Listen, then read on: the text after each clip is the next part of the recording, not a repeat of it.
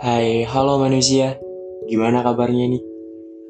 Aku sangat berharap loh kamu segera memulai pertumbuhan dan perkembangan ke arah yang lebih baik.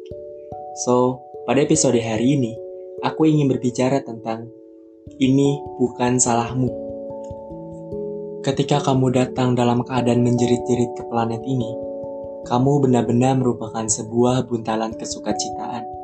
Makhluk bermata lebar yang tidak mampu melakukan apa pun kecuali menjalani hidup pada masa sekarang. Kamu tidak tahu bahwa kamu memiliki tubuh, apalagi harus merasa malu tentangnya. Saat memandang berkeliling, segalanya tampak apa adanya. Sejauh yang kamu ketahui, tidak ada apa pun di duniamu yang menakutkan, atau terlalu mahal, atau begitu ketinggalan zaman. Jika sesuatu terlalu dekat dengan mulutmu, kamu mengulumnya. Lalu, jika sesuatu terlalu dekat dengan tanganmu, kamu mencoba meraihnya. Kamu hanya menjadi manusia. Maksudku adalah, bukan salahmu kalau kamu kacau.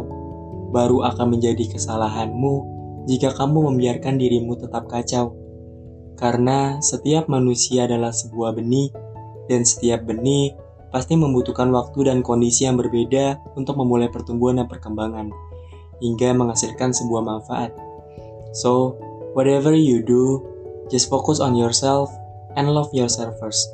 Biarlah beberapa menit ini akan memengaruhi 24 jam kehidupanmu. Aku Ibnu Al-Fazri dari namanya manusia, dan aku adalah sebuah benih yang sedang berproses.